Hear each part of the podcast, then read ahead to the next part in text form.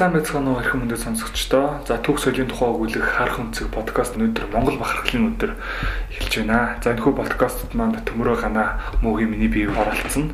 За тэгэхээр эхний асуултаа асууя. За Монгол бахархлын өдрийн тухай. Монгол бахархлын өдөр бол 2012 онд ерөнхийлөгчийн зарилгаар тэмдэглэж эхэлсэн. Өөрөөр хэлбэл тэр өдрөөс эхлээд бүх нийтээр амрах өдөр болгож тэмдэглээд одоо 7 жилийн хугацаа өнгөрч байгаа Энэ өдөр бол бүх нийтээрээ одоо ажлын өдөр ч байсан, амралтын өдөр ч байсан одоо амрах ийм өдөр болсон. А харин залуучуудын хувьд бол одоо сонирхолтой нэг асуулт байдаг. Тэр нь өөрөөр хэлбэл энэ өдөр бол Чингис хааны мэндэлсэн өдөр. Гэтэл бол жил болго өөр өөр өдөр тэмдэглэдэг. Чингис хааны төрсөн өдөр нь яагаад жил болго өөр өдөр байгаад байдаг вэ гэдэг бол бас их сонирхолтой асуулт байна. Үүгээр бас тэр яриагаа эхлүүл зүгээр болоо гэж бодож байна. За тийм. За тэгээд Чингис хааны яг төрсөн өдрийн тухай яриаг бол одоо манай Төмөр Баатар маань ярина. За энэ талаар бол төмрөгийн саналыг бас сонсъё. Чингисийн төрсөн өдрийн тухай бол ерөнхий хоёр санал байна.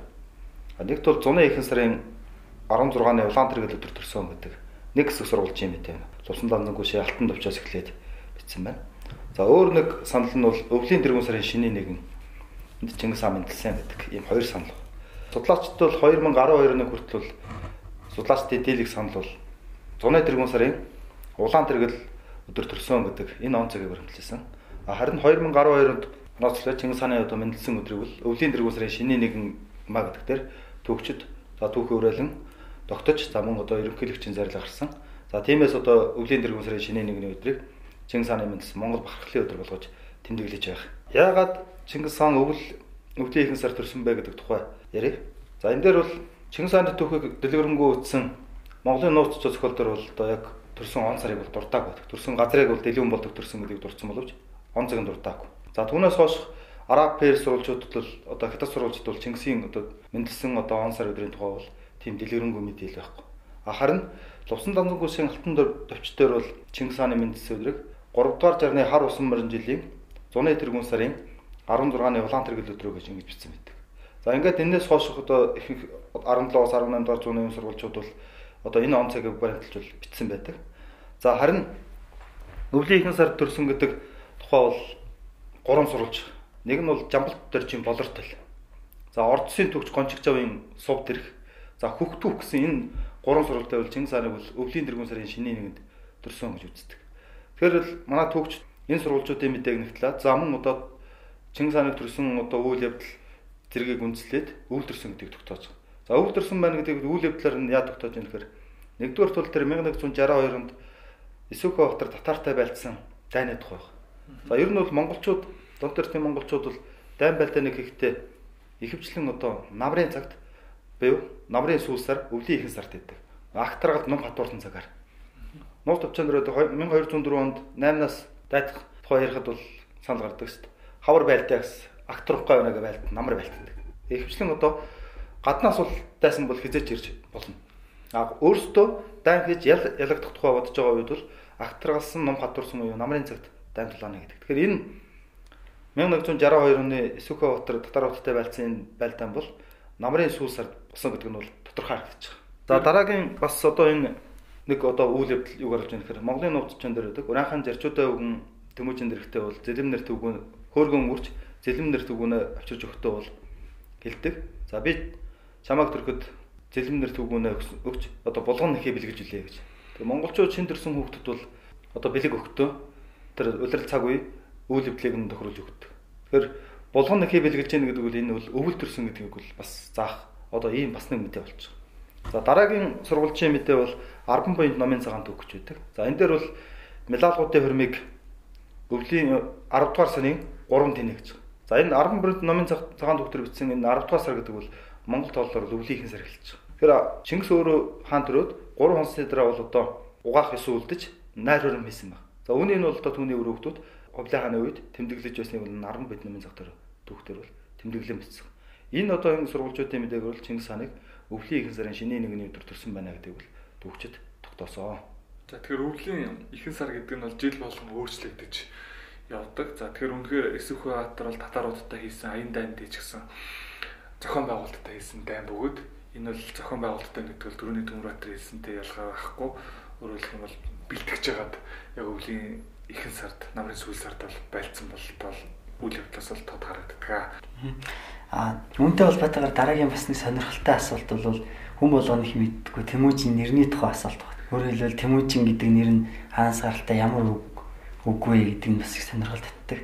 Энэ талаар за Тэмүүжин гэдэг нэрийн тухай сонирхолтой мэдээнүүд байдаг. За сүүлийн үед бол юу гэж ярьж байгаа нөхлөр Тэмүүжин гэдэг бол өөрөө татар үг гэж төмөр гэсэн утгатай. А зарим хүмүүс судлаачд бол юу гэж тайлбарладаг гэхээр төмөрчин гэж тайлбарладаг. За зарим нь болохоор зүгээр төмөрч байсан гэдэг. Төмөрчин биш залгуур залгаагүй төмөрч одоо хүн байсан гэдэг тийм тодтол осоо гэж тайлбарсан явдал байдаг. За монголчууд бол а ялагдсан одоо ялалт байгуулсан бол ялагдсан баатрийнхаа нэрээр нэрлэлдэг тийм уламжлал бол тэр үед бол байсан харагдаж байна. Өөрөөр хэлбэл 1162 онд бол Исүхө Баатар татарын Тэмүүж өгөөг ялаад ирэхэд за түүний нэрийг бол төрсөн ногоон үрдээ бол өгсөн явдлаас бол тодорхой авдаг. За энэ жишийг бол зөвхөн Монголын нус товч бол монголчуудад байсан юм биш бас эртний дундад эртний хятадд ч бас ийм тохиолдлууд бас байсан тухай бол мэдээнүүд бол гардаг л да. Тэгэхээр энэ төмөр тэмүүчин гэдэг бол төмөрчин төмөр гэсэн утгатай биш байгаа. За тэмүүчин гэдэг нэрийн тухай бол одоо түүхчд бол тогтсон. За энэ бол төмөрчин гэсэн үг. За монгол өчгөр төмөр гэдэг өвчтөй бол тэмүүр гэж бичдэг. За ингээ ажил мэргэжил заасан чин давар залгаж тэмүүрчин гэдэг үг одоо хожим сунжирч явсаар тэмүүжин болсон гэж. За энэ нэрийг Эсүхэ Батар яга хүүдээ өгсөн байг гэвэл Эсүхэ Батар татартаа татарын одоо Тэмүүжин өгөө хориг Баатар гүтээ одтой байлдаж Тэмүүжин өгөөг барьж ирсэн. Тэгээ Тэмүүжин өгөөг барьж ирэхэд нь өөрийн одоо хатан өөлөнөөс одоо шинэ хүүгэн төрсэн мэдсэн хүүгэндээ тэр Тэмүүжин өгөөгийн нэрийг өгнө өгсөн байдаг. Энэ бол юу хэлж байгааг гэвэл тэр Тэмүүжин өгөө бол бас татар та нэр ялдартай. Дайчин Баатар байсан үг хэлж байгаа. Тийм учраас Эсүхэ Батар өөрийн хүүдээ одоо энэ Дайчин Баатар шиг одоо юм чадaltaй яриулаасаа гэж гэдгийг бэлэгдэж Тэмүүжин гэдэг нэр өгсөн. За ер нь бол монголчуудын дунд бол төмрийн дархан маш их нэр хүндтэй байсан. За тэр эргүүнээ гүнд очсон монголчууд тэндээс гарахад бол тэр төмрийн дархан бол тэр төмрийн төмөртэй уулыг хайлуулж гарах саналыг үл дэвшүүлсэн. Мөн одоо Монголын хаад нийт зурцнууд цагаан сарын шинийн нэгэнд бол хас дээр төмөр давтах юм ёсол үлддэг.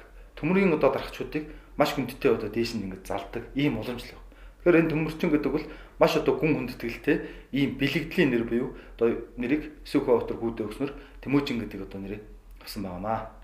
Тойд хамгийн их түгээмэл нэр байсан байж магадгүй тий. Тий одоо жишээлбэл нөгөө Батэрдэн навраг улсад олон төрүүлээд хамгийн олон одоо нэртэй хүн үний тав бол Батэрдэн шүү дээ. Тэрнтэй адилхан тухайн үед бас төмөрчин гэдэг нэр бол нэлээд түгээмэл байсныг бол үгүйсэхгүй. Гэхдээ бол нуус товчонд бол Тэмүүжнээс өөр одоо төмөрчин гэсэн утгатай нэр бол гардаггүй.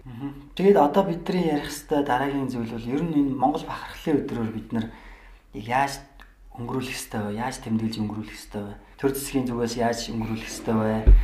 Одоо мэрэгжлийн байгууллагууд яах хэвээр вэ? Иргэд одоо яг нэг өдрийг яах хэвээр вэ? Яаж өнгөрүүлэх хэвээр вэ гэдэг асуулт байгаа юм. А миний бодлоор бол амралтын өдөр болгож байна гэдэг нь нэг өдрийг бүх хүмүүст тухайн тэр түүхэн үйл явдлыг сануулгах гэсэн юм мессеж өгөх гэсэн дохио байгаад байгаа баг. Бид ядаж ил хүмүүс бид нар өнөөдөр яагаад амарч байгаа юм бэ гэд асуулт үүсэн шүү дээ. Тэгтэн бол тэрнийг хариултыг хайж олох. Тэр тэр байдлаараа хүмүүс Чингис хааны тухай тэр хүний тухай олж мэдэх ч гэдэг юм уу те. Тэр түүхэн одоо хамгийн чухал хүн үйл явдал ямар нэгэн зүйлийг одоо бүх хүмүүст одоо таниулах хамгийн гол арга нь бол амралтын өдөр болгоод тэр өдрөөр дамжуулж олон үйл ажиллагаа зохиож ингэж л өнгөрөөдөг юм шиг байна. Тэгэхээр энэ талаар санал авалцчих. За тэгэхээр энэ талаар яхаас өмнө би нэг юм сонирхолтой бас мэдээллийг бас өргөн зүйтэй ах гэж бодож байна. За юу гэж хэлэх гээд юм гэхээр сая бол ингээд өвөр Монголын нутгуудаар за ялангуяа Шилийн голоор, за авга нарын нутгаар, за цаашаа хөх хотоор ингээд явлаа. Тэгээд явж явах явцад бол нэг айлуудаар орлоо. Бас тэр ресторан олон төрөл бүрийн газруудаар явж үзэж хахад нэг сонирхолтой төр зураг бол ажиглагдсан. За тэр юу гэхээр айлт ч юм уу эсвэл буудалд ч юм уу эсвэл одоо ресторант ч юм уу хамгийн одоо гол хоймроо бол дандаа Чингис хааны хөрөг зургийг бол тавиад хадаг дээр нь уйсан байдаг. Тэр энд юу гэж ажиглагдаж байна гэхээр өөр монголчууд бол Чингис хааныгаа одоо шүтэх тэр хандлага бол илүү түлхүү ажиглагдаж байна. За халах Монгол буюу одоо яг бидний амьдарч байгаа монголчуудын хувьд бол одоо илүү улс төрийн зорилготойгоор Чингис хааныг бол гэж ашиглаж байгаа нь бол тодорхой байна да. Нөгөө талаасаа бас энийг бол нэг бизнесийн зорилготой за арх ч гэдэг юм уу эсвэл буудалч гэдэг юм уу энэ зүйл төр бол ингэж нааж хэрэгэлдэг юм хандлагуудаас ажиглагдаад байдаг. За гол нь өнөөдөр ингээд амраад байгаа энэ юг илэрхийлээд байгааг нь монголчууд үнэт зүйлтэй болоосоо тэд нар нэг үнэт зүйлтэй байна гэдэг бол нэг бас бол нэг нэгдүгээр хүчтэй болно гэсэн тийм утга санаа илэрхийлэгдэж юм шиг байна. Тэгэхээр энэ хаалттай байгаа өвөр Монгол болон дээд Монгол нэг захар нэтэргээд бусад газруудад одоо ингээд Чингис хааны зургийг ингэж өлгөө шүтэж байгаа гэдэг бол тэд бол үнэт зүйл байгааг бол маш тод харуулж байгаа юм л да. Тэгэхээр ингээд харах юм бол бид бас энэ бахархлын өдөр бас нэг үнэт зүйлтэй болох. За үнэт зүйлтэй болно гэдэг бол яг ялангуяа энэ төрцгийн зүгээс бодлогоор энэ амрааж байгаа нь бол зөв. А гэхдээ энийг яг ингэж зөв амраана гэдэг бол бас их чухал юм байна. За ер нь дэлхийн аль ч улс үндэстэнд үндэстний одоо юм бахархал ийм хүн бол байдаг. Аль ч үндэстэнд. За Монгол үндэстний хувьд бол ялч одоо бархлын дээд бол Чингис хаан.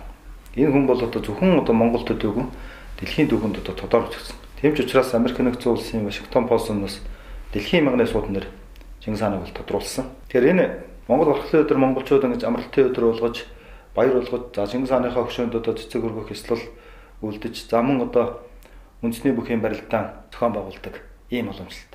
Гэхдээ хэдий одоо явуулж байгаа үйл ажиллагаа амралтын өдөр байгаа ч гэсэн энэ бас зарим талаар хангалтгүй байна гэж хараад байна.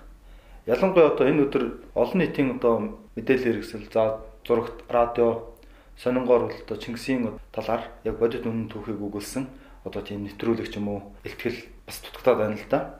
Тэгээ энэ дээр бол төр засгийн зүгээс манай улс ус соёлын ухааны яамнаас түүхийг хүрээлэн за мөн одоо түүхийн чиглэлээр сургалт явуулдаг Монгол Улсын их сургууль, за Монгол Улсын боловсролын их сургуулийн зэрэг сургуулийн түүхийн тэнхим мөн одоо бусад одоо их сургуулиудын багш нарыг урьж оролцуулаад Чингис хааны талаар одоо юм захим лекц бэлтгээд тэрүүгээр одоо яг хүүхэд залуучуудад ард түмэндээ одоо Чингисийн яг бодит үнэн түүхийг таниулах одоо ийм ажиллагааг телевизүүдээр нэг өдрийн турш тодорхой цагийг зарцуулаад Ингэж явуулах юм бол да илүү ард түмэндээ өөрөлдөл Чингисийн хаан бодит түүхийг ойлгоход илүү мэдлэг мэдээлэл хүргэх боломжтой юм болов уу гэж хараад байна. Жишээлбэл одоо Чингисийн хөрөг зураг гэдэгт ч бол Чингисийн одоо нэлээд олон одоо хөрөг зураг үүдэг. Тэн дундаас одоо ингээд айл өрөх одоо ингээд гэртээ залах боллоо гэхэд яг аль зураг нь одоо Чингисийн ишүрэг юм бэ? гэдэг дээр бол иргэд бол эргэлзээтэй байдаг. Мөн одоо бас мэдээ мэдээлэл болсолоос зарим одоо буруу зурсан юм зургийг ч юм уу залах магадлал байна. Тийм учраас одоо яг Чингисийн ишүргийн талаар тодорхой одоо яг тэр энэ чиглэлээр судалгаа явуулсан. Одоо эрдэмтнийх нь одоо судалгааг танилцуулаад энэ нь одоо юм юм аа. Жишээлбэл бидний хувьд бол хятадд одоо хоёр зураг халагдагдсан байна. Одоо нэг нь Тайваны үндэсний музейд байна. Нэг нь одоо Бээжингийн музейд байгаа. Одоо Монголд бол одоо ядам сурангуй зурсан нэг зураг байдаг. За энэ зургийг бол одоо нэлээд томор бол одоо үндэсний түүхийн музей хоёр давхарлуу өсөх шатан дээр бол ингээд хэвлээ гаргацсан байдаг. За одоо энэ зургнуудаас яг аль нь мөн бодиттой юм гэдэг талаар нийтэд одоо яг юм нэгдсэн нэг мэдээлэл бас өөхөн зүйтэй юм байх. Ер нь одоо Чингис хааныхаа түүхийг бид нар бол одоо судлахын хувьд нэлээд олон судалсан. Мөн одоо энэ талаар Чингисийн талаар гадаад дотоод маш олон ном гарсан. Мөн одоо Чингис хааны түүхийн талаар маш одоо олон хүний ном бичсэн, маш олон үзэл явдаг. Тэгэхээр энэ одоо үзлүүдийг нэгтгэж яг одоо тэр талаар судалгаа явуулдаг эрдэмтнийх нь одоо үгийг сонсож одоо яг үнэн зөв мэдээллийг ард түмэн бас мэдэх заашгүй шаардлагатай. Тухайлбал одоо Чингисийн түүхийг бас гуйлаад бичсэн Сургалтын жаргал сайхны Чингис хааны нууц түүх гэж ном бий. Тэгэхээр манай монголчууд бол уран зохиолын ном их уншдаг учраас энэ номыг жишээлбэл ард түмэн их усаж тэр номон дээр гардаг үйлдэлээр Чингис хааныг одоо буруу түүхийн буруу төсөөлөх ийм үзэл хандлага бол байдаг. Тэгэхээр энийг одоо олон асуудлыг нэг мөр зэгцлэх талаас нь одоо энэ захим ТV-ийн хичээл одоо тодорхой бэлтгэж ингэж явуулвал илүү одоо үр дүнтэй юм болов уу гэж ингэ байна. Аа Монгол бархлын өдөр хүн болгон одоо Чингис хааны ямар сайн зан чанараас тийм ээ эрхэм зан чанараас нь суралцах бай. Чингис хаан ямар эрхэм зан чанартайс бид нар тэндээс нь юуг нь авч өвлөж үлдэх ёстой вэ гэдэг тэр тэрлөө чиглэсэн үйл ажиллагаа явуулах зүгээр юм шиг санагдаад байгаа байхгүй. Эзэн хаанаасаа урвсан хүм хүний бол хизээч өөрийн талдаа ингээ ураад хүрээд ирж явах Чингис хаан хизээч өөрийн талдаа авдаггүй шүү дээ тийм ээ.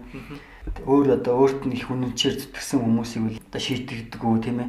Өндөр ял илтрүүлдэг ч юм уу. Тэгэд гигмитийн энэ одоо Чингис хааны түүхэн үйл явдлаас суралцах ялангуяа өсвөр үеийн залуучуудад ийм ийм зан чанараас бид нар суралцах ёстой шүү гэдэг төлөвлөгөөтэй мессежийг хөл хөргөмөр юм шиг.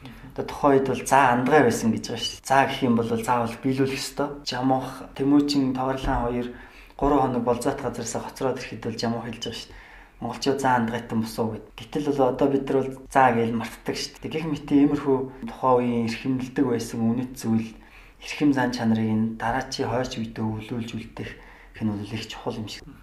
Тэгэхээр түүхийн сайн ч миний багш, муунч миний багш гэж өгдөг шүү дээ. Тэгэхээр бид бас яг энэ түүхэн үйл явдлаас тэр тусмаа ялангуяа Чингис хаантай холбоотой түүний намтар түүхээс бас их суралцах, за тэнийг судлах, за тэнийг бол таны мэдэх бол хэрэгцээ шаардлага бол энэ дөрөнд байгаа. За ингээд сая гайд нэрсэнтэй адилхан жишээ ярих юм бол одоо нөгөө 1206 онд их хуралдаа болоод их хуралдаа тэр Чингис хаан бол бүх хүчин зүтгэсэн хүмүүстэй л гişиг хүртээдэг. За тэр үед л одоо эхний уралдаан дээр бол борчтой л юу ч өгөөгүй. А гэтэл борч гэртээ ирсэн байхад нь түүний ихнэр бол борч тэлдэг шүү дээ. Чи бол одоо Чингис хааны бүр баг буураа байхаас нь илүү түн зүтгэж явсан. Гэтэл ингээд бүх хүмүүст гавьяа хишиг хайрлахад зөвхөн чамд л юу ч олноос өнгөө гэж хэлсэн. А гэтэл борч бол яг энд бол тийм хүнзэр тусгаж хүлээж аваагүй. Гэхдээ би хааныг бол хаач явсан би дагаж явна би бол хааны ишгтэн цэрэг гэдэг ингээд зүйлийг тайлбарладаг. Энийг бол Чингис хаан бол хүн тагнуул туршуул явуулаад энийг сонсгосон байдаг. А тэгээд Чингис хаан маргааш нь бол яг энийг жишээ болгож тэр хуралдаа дээр бол зарладаг шүү дээ. Өөрөөр хэлэх юм бол одоо бүх үйл явдалд одоо надтай цуг байж одоо гавья байгуулахад хүртэл байсан, гунж готроход ч хүртэл байсан, энэ бүх үйл явдалд байсан борчд бол одоо тий би шагнал олоогоог байхад за бусд хүмүүст ингэ шагнал олгоцсон байхад эдгээр бол ингэж барьцаж магалдаж ялангуяа түүний одоо ээж нь за хасар нар бол хооронд бол барьцдаг тохиолдол гардаг. Гэтэл борч бол ямар ч юм үйлдэлээр гаргаагүй учраас борчд бол одоо ингэж жишээ болгож үзүүлж. Тэгэхээр энэ бол ямар хүн таньдаг бас дээр нь ийм одоо суралцах хэвээр зүйл мөн байна гэдг нь бол харагдаж байгаа. Тэгэхээр эндээс бас би манай залуучууд бол залуу үеийнхэн маань бас их суралцаад үе нэрээ одоо хүнийг яаж таних уу гэдэг талааснаас явж байсан юм байна шүү. Мөн одоо энэ өдөр бас манай залуучууд нуус товч байгаа бас нэг эргүүлээд хармаар байгаа. Уншаагүй хүн байвал уншаад, уншсан хүн байвал дахиж уншаад. Нуус товчон дээр бол Чингис хааны амьдралыг харуулах юм бол залуу хүн яаж амьдралын төлөө тэмцэж чадахгүй гэдэг тэр зориг төвчээрийг бас энэ нуус төвчөө бол тодорхой харуул. Мөн одоо хөх залуучууд бид өнөөдөр энэ өдөр бас Чингисийн одоо тэр бэлэг сургаал гэдэг юм бас суралцмаар байна. Одоо бид нар хятадуудыг мэднэ. Күнзийн одоо хэлсэн сургаал гэдэг төрийн төвшөнд за залуучуудын төвшөнд гэдэг ч юм уу ингээд бүр англиад төрд ажиллах хүн бол одоо ийм ийм күнзээ сургаалыг мэддэг байх хэрэгтэй гэх ингээд заадаг. Түүнтэй адилхан одоо Монголын залуучууд бид Чингис хаанахаа одоо тэр хэлсэн бэлэг сургаалыг бас суралцмаар байна.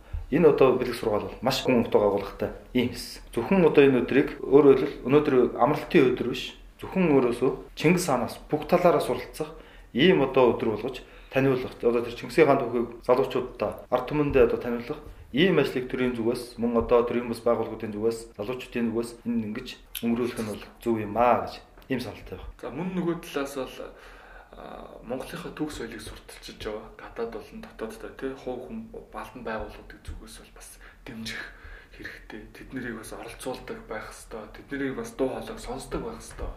Энэ өдөр бол яг харахгүй Монголын үнэт зүйл бахархлын өдөр байх нь Тамжиггүй ахт ийм бодлогын үйл ажиллагаанууд бас өнөөдрийг хүртэл 7 жилийн хугацаанд бол их дутагдж байгаа юм да гэж бас харагдаж байна. Тийм учраас бид нар бол энэ подкастаараа дамжуулаад энэ мэдээллийг бас ингэж хүргэхийг бас хүсэж байгаамаа.